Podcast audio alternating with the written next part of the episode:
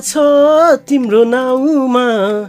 जिग्री तपाईँलाई भेटाउन ल्याउँदैछु मेरी मायालाई। हे हे हे ला ला ला ला ला ला ला ला। तपाईँलाई भेटाउन ल्याउँदैछु। ए ए ल कार्यक्रम सुरु भइसक्यो। ए सबिन कार्यक्रम। थाहा छ कि थाहा छ कि मेरी माया? त्यही भएर त हाम्रो जिग्रीलाई भनेको नि। तपाईँलाई भेटाउन ल्याएको छु मेरी मायालाई। के भएको ला सबिन? कहिलेदेखि भयो म तिम्रो माया? हँ? हँ सबिन? होइन भने होइन भन। जिग्रीको अगाडि लजाउनु पर्दैन क्या। मनमा भएका कुरा निर्धक्क भएर भने हुन्छ। जिग्रीले कुरा बुझ्नुहुन्छ। माया प्रेमको कुरामा त जहिले पनि साथ दिनुहुन्छ क्या हामीलाई। होइन त जिग्री? तिम्रो माया प्रेमको कुरा तिमीसँगै राख। बरु कार्यक्रमको बारेमा कुरा गर त। ल ल भइहाल्छ नि मेरी माया। आई मिन माया। जिग्री तपाईँ अहिले सुन्दै हुनुहुन्छ बिल्कुलै नयाँ र रोचक रेडियो कार्यक्रम मायासँग मनका कुरा। केवल तपाईँको लागि हामीले बनाएको। यो कार्यक्रमको साथमा अब हामी हरेक हप्ता तपाईँलाई भेट्न आउनेछौँ र म तपाईँको आफ्नै हसिलो रसिलो अनि चिटिक्क परेको जिग्री सबिन र सबिनसँगै आएकी छु म माया। मायासँग मनका कुरा रेडियो कार्यक्रम लिएर। अब साथी तपाईँले सोध्नुहोला कार्यक्रमको नाम आफ्नै नामसँग मिलाएर राखी छे भनेर। त्यो किन भने नि? हो यो कुरा त मेरो पनि गुनासो हो। मायासँग मनका कुरा किन? सबिनसँग मनका कुरा किन नै? कि त माया र जिग्री सबिनसँग मनका कुरा किन नै? होइन जिग्री समानता त हुनु पर्यो नि। नकर तिमी। के? अरू जे जस्तो कुरामा कम्प्रोमाइज गरे पनि आफ्नो हकको कुरा आएपछि हामी कदापि चुप लाग्दैनौँ कुनै पनि हालतमा। कस्तो तिमी त सबिन अरू बेला चाहिँ तिमीले जे भने पनि मानिहाल्छु नि। माया भन्दा ठुलो के नै छ र भन्ने। अहिले चाहिँ यस्तो? यस्तो भयो भने कसरी विश्वास गर्नु भन त तिमीलाई? ए अब विश्वासकै कुरा नल्याइहाल न माया। मैले त यसो कुरो पो गरेको त। अब मायासँग मनका कुरा कार्यक्रमको नाम हुँदै हुँदैन भनेको त छैन नि मैले। खालि ए हुन्छ भनेको? ल ठिक छ त्यसो भए। कुरा मिलिहाल्यो नि। तिमीलाई पनि हुन्छ जस्तो लागेकै रहेछ। र तिमीले भनेपछि मलाई त झन हुन्छ जस्तो लागेको। हाम्रो रेडियो कार्यक्रम मायासँग मनका कुरामा। तपाईँलाई धेरै स्वागत छ साथी। हाम्रो सबिनलाई दिनुभएको जस्तै माया र साथ यस कार्यक्रम मार्फत मलाई पनि पक्कै दिनुहुन्छ भन्ने धेरै आशा लिएकी छु। सबिन तिमी पनि भन न। हामीलाई साथ दिनुहोस् सल्लाह दिनुहोस् माया दिनुहोस् भनेर। दिनुहोस् जिग्री दिनुहोस् साथ दिनुहोस् सल्लाह दिनुहोस् अनि के अरे के अरे हो माया पनि दिनुहोस्। तर मलाई मात्र है मायालाई चाहिने माया मै दिउला। अरे सबिन। युवाका लागि विशेष कार्यक्रम मायासँग मनका कुरा। सही हो केवल तपाईँको लागि बनाइएको कार्यक्रम मायासँग मनका कुरा। सबिन अब कार्यक्रम सुरु गर्ने त भन्यो तर के कुरा गर्ने त? मलाई त के भन्ने भन्ने जस्तो भयो। हो मलाई देखेपछि धेरैलाई त्यस्तै हुन्छ भने बोली नै फुट्दैन रे के गर्ने? भगवान्ले यस्तो ह्यान्डसम बनाइदिइसकेपछि के ह्यान्डसम हो।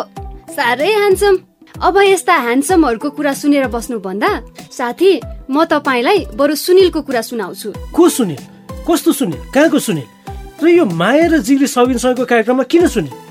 किनभने नि सबिन हिजो सुनिल र आकृतिको कथा सुनेदेखि मलाई यो कथा हामी सबैले सुन्नै पर्ने कथा जस्तो लागेको छ के? त्यसैले सुन्ने कि भनेको? ए हे सुनिलसँग आकृति पनि छ। त्यसो भए त सुन्ने नि कथा। त्यो पनि तिमीले सुनाउनु खोजेको। किन नसुन्नु? कि कस्तो जिग्री? ल त्यसो भए सुन है त सुनिलको कथा। सुनिल र आकृतिको कथा भन न।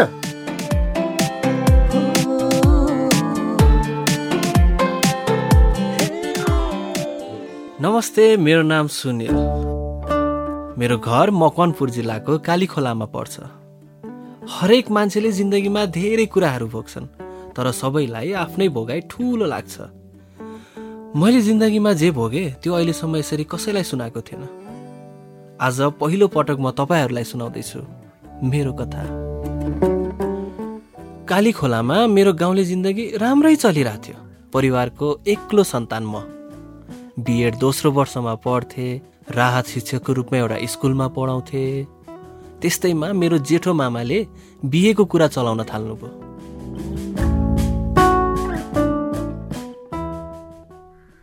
ए सुनिल! हजुर आमा। यहाँ आइज त छोरा। हजुर अँ भन्नु। के विचार गरिस् त? ए मैले हिजै भनिसकेँ नि अहिले बिहे नगर्ने भनेर। राम्रै खानदानको छ भन्दै थियो तेरो मामाले। हेटौँडा बजारमा पनि दुई दुईवटा घर छ अरे घरलाई बिहे गर्ने हो र? नाइ केटी पनि राम्रै छ अरे रेखा कुरा छाड्नुहोस् कि आमा। ए मान्छेले के भन्छन् के भन्दैन। मामासँग यसो आफै गए भइहाल्यो नि त। जान्न कि? म जुन दिन रातबाट थाई शिक्षक हुन्छु अनि बल्ल सोच्ने हो बिहेको बारेमा। अनि नामै निस्केन भने चाहिँ के गर्छस् नि? बिहानै गर्दैनस् त। ल निस्किहाल्छ नि। पहिले छोटीमै वैकल्पिकमा निकाले देख्नु भन। जे भए पनि हेर छोरा अब बिहे चाहिँ बेलायमै गर्ने हो। अब एउटा सन्तान होस् के थाहा? अब भोलि हामीलाई नि केही भइहाल्यो भने त अब तेरै लागि सोचेर मामाले कुरा चलाओ। मेरो दिमाग नखानु कि आमा। अब बरु एकपटक मामासँग जा न त।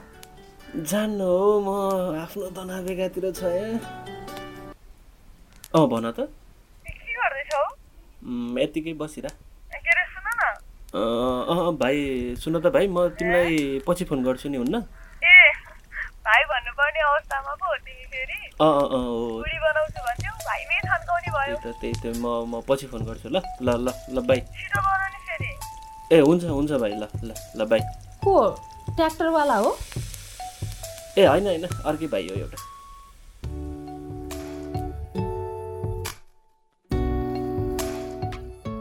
आमाको अगाडि आकृतिको फोन आउँदा म जहिले अप्ठ्यारोमा पर्थेँ अरूको अगाडि देखाउन नसके पनि आकृति मेरो हृदयमा भने मजाले सजेकी थिए। आकृतिसँगको पहिलो भेट हेटौँडामा बिएड पढ्ने बेला भएको थियो। म शिक्षा सङ्कायमा पढ्थेँ अनि ऊ म्यानेजमेन्ट। तर पनि हामी एकअर्कासँग नजिक भइसकेका थियौँ। बिस्तारै हामीले एकअर्काको ख्याल राख्न थाल्यौँ। फोनमा घन्टौँ गफिने त सामान्य हुन्थ्यो। मौका मिलाएर घुम्न पनि निस्किन्थ्यौँ।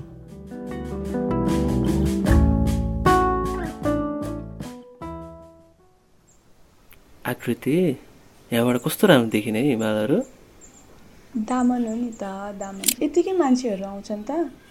ल आऊ त एउटा सेल्फी खिचौँ। या भोग्यो अब। कति खिच्नु भने? हे के नाक तानेर फेरि? अलि यसो गर।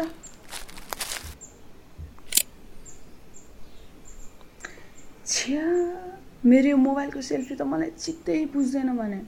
राम्रै खिच्छ त। अस्ति दामी दामी सेल्फी हालिरहेको थियो त खुब फेसबुकमा। त्यो त स्मारिकाको आइफोनले खिचेको हो नि। ए हो र। अँ त उसको बोयफ्रेन्डले जापानबाट पठाइदिएको आइफोन हो नि। ए। तर केही छैन। हाम्रो पनि आउला नि दिन होइन? उम्, आइहाल्छन् नि। अहिले पो राह शिक्षक छोरा। आयोगमा नाम निकाल्न त देऊ न। के थाहा? डिबी परेर आइफोनकै देशमा पो गइ पो हालिन्छ कि? गइन हेर। न डिबी भरिन्छ न अमेरिका गइन्छ। किन? मलाई अमेरिका ए मलाई जापान पनि अनि ए मलाई डिबी पर्यो भने? के भयो? के होइन? ला पानी छिटा पर्यो। ए अँ हेर ल चम चम चम। पख ल छाता निकाल्छु यो- समाउ त।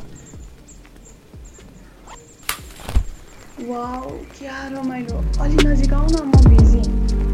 ल। ए पानी त ठुलै पो पर्छ कि क्या हो? मलाई त तिमीसँग यो पा कसको फोन आयो फेरि? हे, एकैछिन चुप लाग्नु हजुर बुवा। म यहाँ साथीसँग घुम्न आएको। म आउन त टाइम लाग्छ होला। हो र? अनि मैले हिजै भोलि स्कुटर लान्छु भनेको थिएँ त। फेरि कस्तो आफ्नो काम सकिने बित्तिकै फोन काटिहाल्नुहुन्छ। के भयो? त्यही त हो नि बुवाको पोल्ट्री सप्लाइज भएपछि। कति बेला कुन किसानको फोन आउँछ अनि कता कता कुद्नुपर्छ टुङ्गे हुनु। अब यस बेला स्कुटर चाहियो अरे। ए।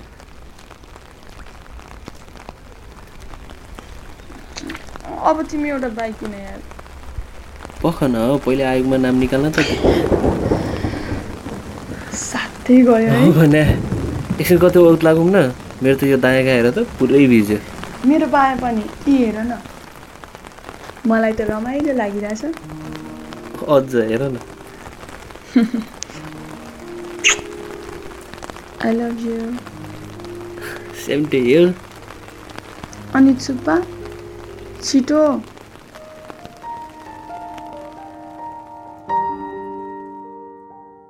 आकृति साँच्चै प्रेमिल थिए। उसको प्रेममा म पनि गहिरोसँग डुबेको थिएँ।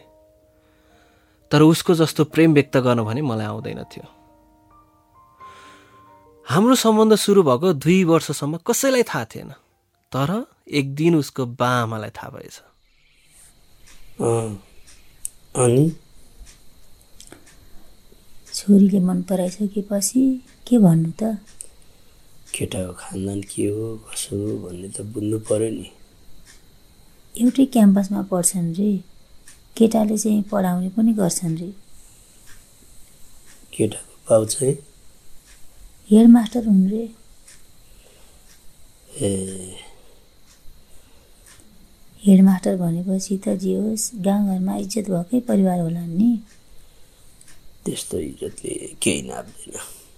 सम्पत्ति हुनुपर्छ। सम्पत्ति भयो भने जसले पनि इज्जत गर्छ। भएन भने देउतालाई पनि लात्ताले हान्छ मान्छेले। सम्पत्ति त जोड लान्ने उमेर छ। त्यस्तो कुरा नगर। म कुरा गर्छु छोरीसँग। कस्ता कस्ता घरबाट कुरा आउँदा त हुन्न भन्यो। ल ल कुरा गर्नु। ल ल सुत म अब। भोलि कुखुरा उठाउनु जानुपर्ने छ बिहानै। खै एसीको रिमोट धेरै चिसो पनि पार्नुहुन्न। त्यहीँ छ त।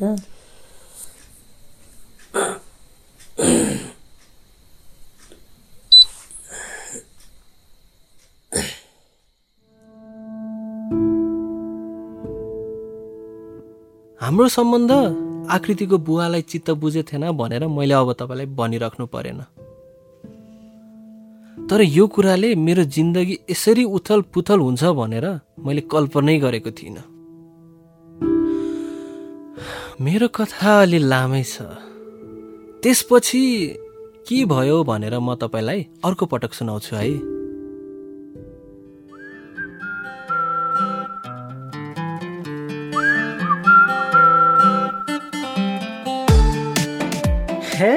कस्तो राम्रो लभ स्टोरी चलिरहेको थियो। झुर भयो नि बुवाको कुराले। मलाई त यो माया प्रेमको बिचमा बाधा हाल्ने मान्छे मनै पर्दैन भने। के भएको होला आकृतिको बुवा पनि? सम्पत्तिले बिहे गर्ने हो र भने? हो कि भन्नु त माया? हो नि। तर आमा बुवाको हिसाबले त सही पनि त हो नि। आफ्नो छोरी राम्रै घरमा राम्रै ठाउँमा बिहे गरेर जाओस् भनेर सोच्नु त हो कि न भन त? त्यो त हो हो। तर सुनिल पढे लेखेको छ काम गर्दैछ अझ कति जागरुक छ आफ्नो सपना र लक्ष्यलाई लिएर। त्यो कुरा चाहिँ बुझ्नु परेन भन त? भोलि के गरेर तिम्रो र मेरो सम्बन्धमा यस्तै कुरा आयो भने के गर्ने भन त? हेर है सबिन यस्तो सिरियस कुरा भइरहेको बेला नजिस्किउ त। ल ल माया तिमी पनि अब सोच त सुनिलले आफ्नो चाहना सपना लक्ष्य के हो भन्ने कुरा कति मजाले बुझेको छ। स्थायी शिक्षक भएपछि मात्र बिहे गर्छु भनेर सोचेको छ। कस्तो जिम्मेवार र सजग छ हो किन भन त? अनि यस्तो मान्छेलाई कति कमाउँछस् कति सम्पत्ति छ भनेर कुरा गर्ने हो त? अँ हो हो। त्यो कुरामा त म पनि सहमत छु। आकृतिको बुवाको यस्तो सोचाइ त गलत नै हो। त्यही त। अनि यस्तै यस्तै नचाहिने प्रेसरले गर्दा त हो नि। यहाँ हाम्रो देशमा मान्छेहरूलाई केही गर्नै सकिँदैन जस्तो लागिसक्यो। आफ्नो देशमा राम्ररी काम गरेर बसेकाहरूको कदरै छैन। अनि जो पनि विदेशतिर लाग्ने भएको। तिमी पनि कहाँको कुरा कहाँ पुर्याउँछौ? कहाँबाट एकैचोटि विदेश जाने कुरामा पुगेको? हो नि त। आकृति पनि साथीको बोयफ्रेन्डले जापानबाट फोन पठायो भनेर सुनाउने। अनि बुवा चाहिँ सम्पत्ति कति छ भन्ने कुरामै योग्यता नाप्न खोज्ने।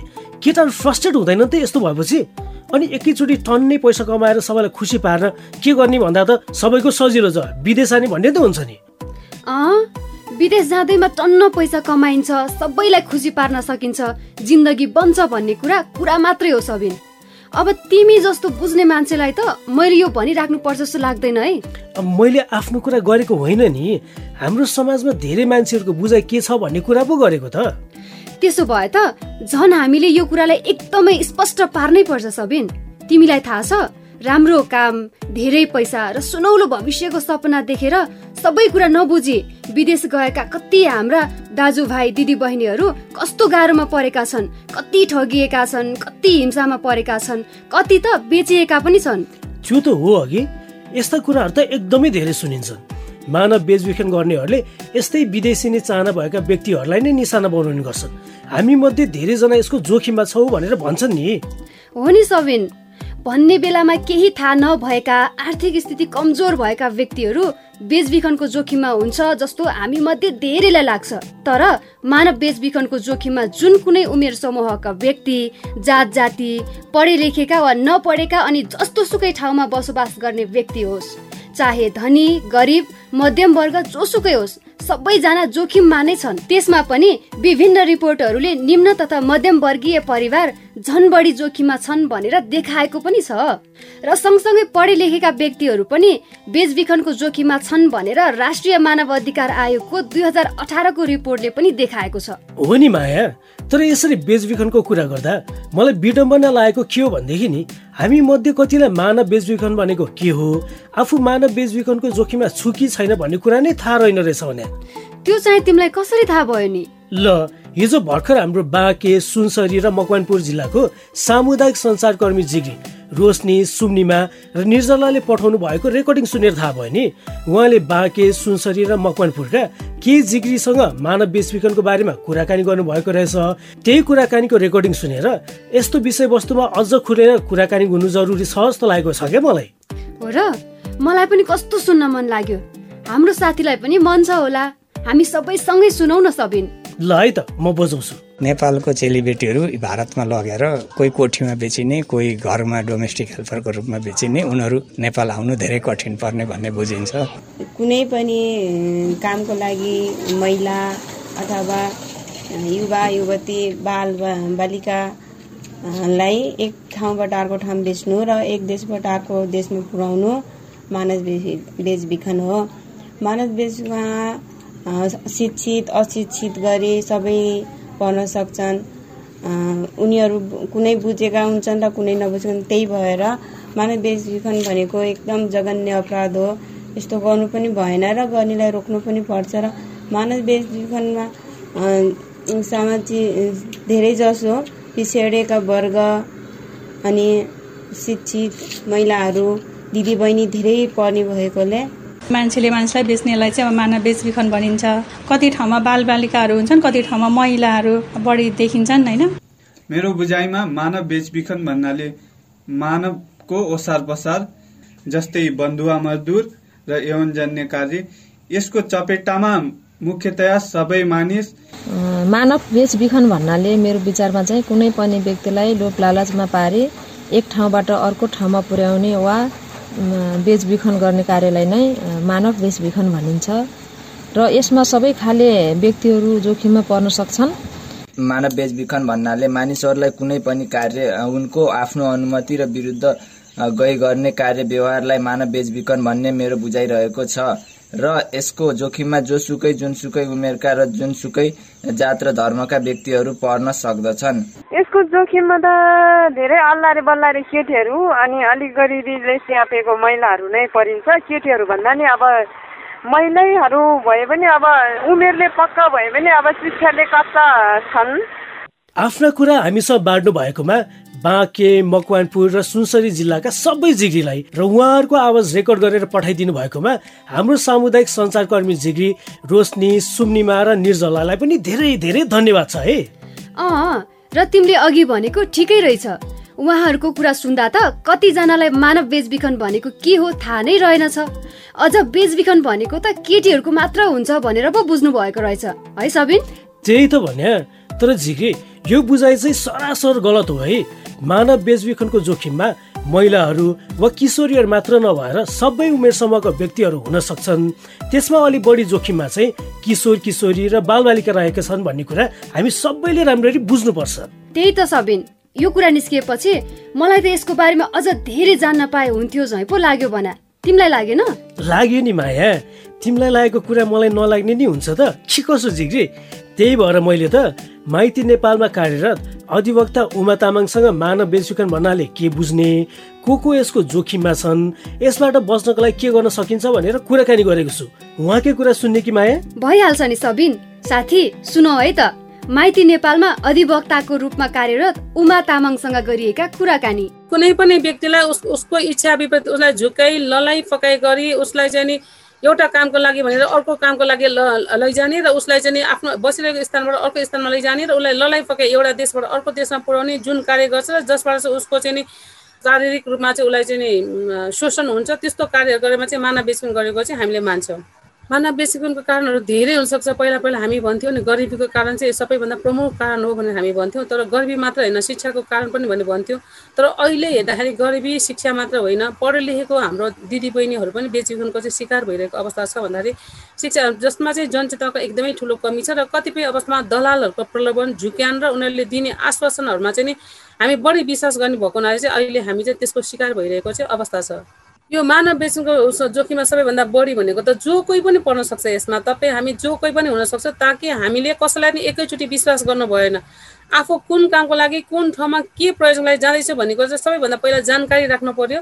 त्यो जानकारी लिइसकेपछि चाहिँ त्यो ठाउँको बारेमा चाहिँ ज्ञान हासिल गर्नु सक्नु पऱ्यो कि त्यो ठाउँमा जाँदा म सुरक्षित छु कि छैन?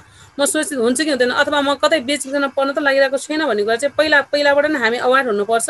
जसले गर्दा आफू अवेर भइयो र त्यो सँगसँगै आफू कहाँ जाँदैछ भन्ने कुरा चाहिँ सकेसम्म आफू नजिकको आफन्तलाई अथवा नातेदारहरूलाई म फलानाले मलाई यो ठाउँमा जाँदैछु भन्छ त्यो ठाउँमा म जाँदा सुरक्षित छु कि छैन भन्ने कुरा सोध्नु पनि पऱ्यो र उसलाई जानकारी दिएर पनि जानु पऱ्यो ताकि त्यसले गर्दा चाहिँ हामी अलिक सुरक्षित पनि महसुस गर्न सक्छौँ। मानव बेचबाट बस्न सबैभन्दा पहिला त हामी हाम्रा हामीमा जनचेतनै हुनु पऱ्यो विभिन्न अब नेपाल सरकारले लागू गरेका नीतिहरू बारेमा हामीलाई जानकार हुनु पऱ्यो त्यो बारेमा चाहिँ हामी कसरी आफू बस्ने भन्ने कुरा र विभिन्न अब सञ्चार माध्यमहरू सञ्चार माध्यमहरूमा चाहिँ हामी अवेर हुनु पऱ्यो सञ्चार माध्यमहरूले पनि बेला बेलामा हामीलाई सजग गरिराखेको हुन्छ र कसैको प्रलोभनमा पस्नु फस्नु भएन कसैको प्रलोभनमा पर्नु भएन र आफू के कामको लागि र कुन ठाउँमा जाँदैछु भन्ने कुरा चाहिँ एकदमै वेल नोन भएर बस्नु पऱ्यो ताकि भोलि गएर हामी समस्यामा नपर्नु र वैदेशिक रोजगारमा हामी जाँदैछौँ भने पनि कुन कामको लागि जाँदैछौँ के कामको लागि जाँदैछौँ आफूले पाउने स्यालेरी कति हो कुन ठाउँमा जाने हो र भोलि म त्यो ठाउँमा गएपछि सुरक्षित छ कि छैन त्यो आधिकारिक हो कि होइन भन्ने कुरा चाहिँ हामी क्लियर हुनुपर्छ। मानव बेचबिखन भनेको एउटा जगन्य अपराध हो। यस्तो जगन्य अपराधमा आज हामी तपाईँ हामी सबै मिलेर हातमा हात मिलाएर चाहिँ यो अपराध निर्मूलीकरण गर्नतर्फ लाग्नु पर्यो र विभिन्न नाममा हुने बेचबिखन र आन्तरिक होस् बाह्य होस् अथवा समुद्र पार किन नहोस् त्यो बेचबिखनलाई चाहिँ तपाईँ हामीले चाहिँ एकसाथ भएर कसरी यसलाई चाहिँ न्यूनीकरण गर्न सक्छौँ र न्यूनीकरण गऱ्यो भने चाहिँ मानव बेचबिखनको चाहिँ अन्त्य पनि गर्न सक्छौँ भन्ने कुरामा चाहिँ हामीले जोड दिनुपर्छ जस्तो लाग्छ मलाई। मानव बेचबिखनका बारेमा सबैले बुझ्ने गरी सहज तरिकाले बताइदिनु भएकोमा माइती नेपालमा अधिवक्ताको रूपमा कार्यरत उमा तामाङलाई धेरै धेरै धन्यवाद। र उहाँले भन्नुभयो चाहिँ आफूले काम गर्न जान लागेको ठाउँको बारेमा राम्ररी बुझ्ने सेवा सुविधा के कस्तो छ तलब कति दिन्छन् कुन कम्पनीमा जान लागेको हो हो यी सबै कुरा बुझेर अनि श्रम स्वीकृति लिएर मात्र वैदेशिक रोजगारीमा वा कुनै काम गर्न जानुपर्छ नत्र बेचबिखनमा पर्न सकिन्छ भनेर भन्नुभएको कुरा। होइन त माया? हो नि सबिन। अझ जागिर लगाइदिने बाहनामा आफ्नै आफन्तले बेचबिखनमा पार्न नि सक्छन् है। त्यही भएर आफ्नो मान्छे आफन्त हो भनेर कसैलाई पनि यत्तिकै विश्वास चाहिँ गरिहाल्नुहुन्न जस्तो लाग्छ है साथी मलाई त। पक्कै पनि। हुन त सबै आफन्त वा चिनेको मान्छेले झुटा आश्वासन दिएर काम लगाइदिने कुरा नगर्लान् तर होसियार चाहिँ हुनुपर्छ है जिग्री जस्तो सुकै कामका लागि पनि बेचबिखनमा पर्न सक्छौ। होइन त माया? हो नि सबिन। त्यही भएर त साथी आफू अनि आफ्नो परिवार सँगसँगै आफ्नो समुदायलाई पनि मानव बेचबिखनको जोखिमबाट बचाऊ र आफू पनि बचौँ। होइन त सबिन। हो नि माया मैले फेसबुकमा एउटा प्रश्न सोधेको थिएँ कि जिग्रीलाई कि मानव बेचबिखनले सबैभन्दा बढी प्रभाव कसलाई पार्छ भनेर जसमा धेरैजना जिग्रीले आफ्नो कुरा लेख्नु भएको छ बरु उहाँहरूले के लेखेर पठाउनु भएको छ म पढेर सुनाउँछु है त माया? हुन्छ सबिन। अमेरिकाबाट जिग्री राष्ट्रिय लेख्नुहुन्छ मलाई लाग्छ जनचेतनाको कमीले गर्दा अनि शिक्षाको कमीले गर्दा मानव बेचबिखनले जुनसुकै वर्ग उमेर समूहलाई जोखिममा पार्छ। त्यही भएर जनचेतना र सही शिक्षाले नै मानिसलाई मानव बेचबिखनबाट बचाउँछ। कस्तो राम्रो कुरा लेख्नु भएको रहेछ है साथी राष्ट्रियले हो नि। त्यसै गरी इलामबाट जिग्री दिपेन लेख्नुहुन्छ बालबालिकाहरू मानव बेचबिखनको जोखिममा सबैभन्दा बढी छन् किनकि उनीहरूलाई सजिलै ललाइ फकाइ गर्न सकिन्छ। त्यही भएर तस्करहरूले बालबालिकालाई निशाना बनाउँछन्। सही कुरा लेख्नु भएछ है साथी दिपेनले। हुन पनि सबैभन्दा बढी जोखिममा त बालबालिका र किशोर किशोरीहरू नै छन् होइन त? हो नि माया। आफ्ना कुरा हामीसँग बाँड्नु भएकोमा दुवै जिग्रीलाई धेरै धेरै धन्यवाद। उहाँहरूले जस्तै तपाईँ पनि आफ्ना कुरा जिज्ञासा समस्या वा विचार हामीलाई बाँड्न चाहनुहुन्छ भने सुन्नुहोस् है त यो सानो सन्देश। मलाई मेरो आफ्नै काकाले विदेश पठाइदिन्छु भनेर भन्नुभएको। केही गर्नु पर्दैन ढुक्क भएर बस तर पैसा चाहिँ भनेको बेला दिनुपर्छ भनेर भन्नुभएको छ। के केही कुरा नै नगरिकनै यत्तिकै कुराको भरमा वैदेशिक रोजगारमा जान मिल्छ र? मैले श्रम स्वीकृति लिए विदेशमा गर्ने कामको बारेमा तालिम पनि लिइसकेको छु। के अब म विदेश जान तयार छु त? मैले काम गर्ने ठाउँमा त भनेको जस्तो काम गर्न नै पाएको छुइनँ। न नै भनेको जस्तो तलब र सेवा सुविधा नै पाएको छु। के म मानव बेचबिखनमा परेको त होइन? हो यस्तै यस्तै दुविधा समस्या वा मनमा जिज्ञासा आइरहेको छ भने चिन्ता नलिनुहोस्। हामी छौँ नि हामीलाई पठाउनुहोस्। युवाका लागि विशेष कार्यक्रम मायासँग मनका कुरा। ल है त साथी आफ्ना कुरा कथा जिज्ञासा समस्या विचार जे जे छ पठाइहाल्नुहोस् है हामीलाई। पक्कै पनि। युवाका लागि विशेष कार्यक्रम मायासँग मनका कुरामा आफ्नो विचार प्रतिक्रिया सल्लाह सुझाव समस्या जिज्ञासा रेकर्ड गराउन चाहनुहुन्छ भने एनटिसी प्रयोग गर्ने साथीका लागि सोह्र साठी शून्य एक छत्तिस छ सय छैसठी र एनसेल प्रयोग गर्ने साथीका लागि अन्ठानब्बे शून्य पन्ध्र एकात्तर चार सय चौवालिस। हो यसमा आफ्ना कुरा सित्तैमा रेकर्ड गराउन सक्नुहुन्छ है। त्यसै गरी फेसबुक पेज मार्फत आफ्ना कुरा हामीसँग बाँड्न चाहनुहुन्छ भने हाम्रो Facebook page W W W dot Facebook dot com slash मायासँग कुरामा गएर लाइक गरेर पनि पठाउन सक्नुहुन्छ है। मायासँग मनको कुराको आजको हाम्रो यो पहिलो कार्यक्रम तपाईँलाई कस्तो लाग्यो?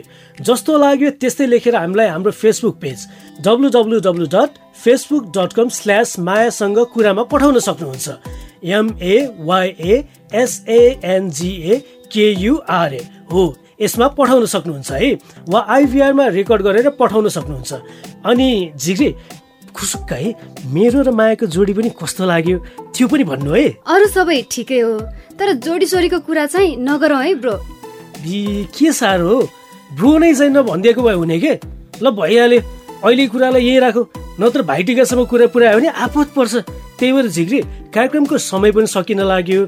बिदा पो माग्ने हो कि मेरी माया? बिदा त मागौ सबिन तर तिम्रो माया होइन।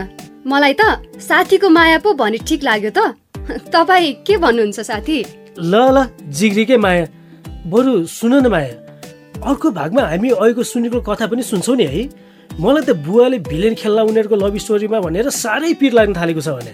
खै अब त्यो त अर्को हप्ता सुनेपछि मात्रै थाहा हुने भयो नि सबिन। त्यो पनि हो।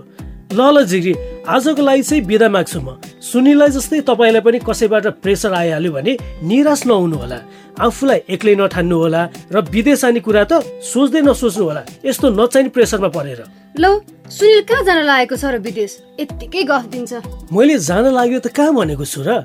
जाने कुरा मनमा आए पनि नजानुस् भन्न खोजेको हो क्या? बरु झिग्री तपाईँलाई के लागेको छ? सुनिलको कथाले कुन मोड लिन्छ होला। तपाईँको विचार पनि हामीसँग बाँड्नु होला भन्ने अनुरोधका साथै आजको हप्ता बिदा दिनुहोस्। म तपाईँको आफ्नै हसिलो रसिलो चिटिक्क पर्के जिग्री सबिन र म माया पनि बिदा माग्दैछु। अर्को हप्ता आजको दिन आजकै समयमा फेरि भेटौँला। नमस्ते बाई बाई।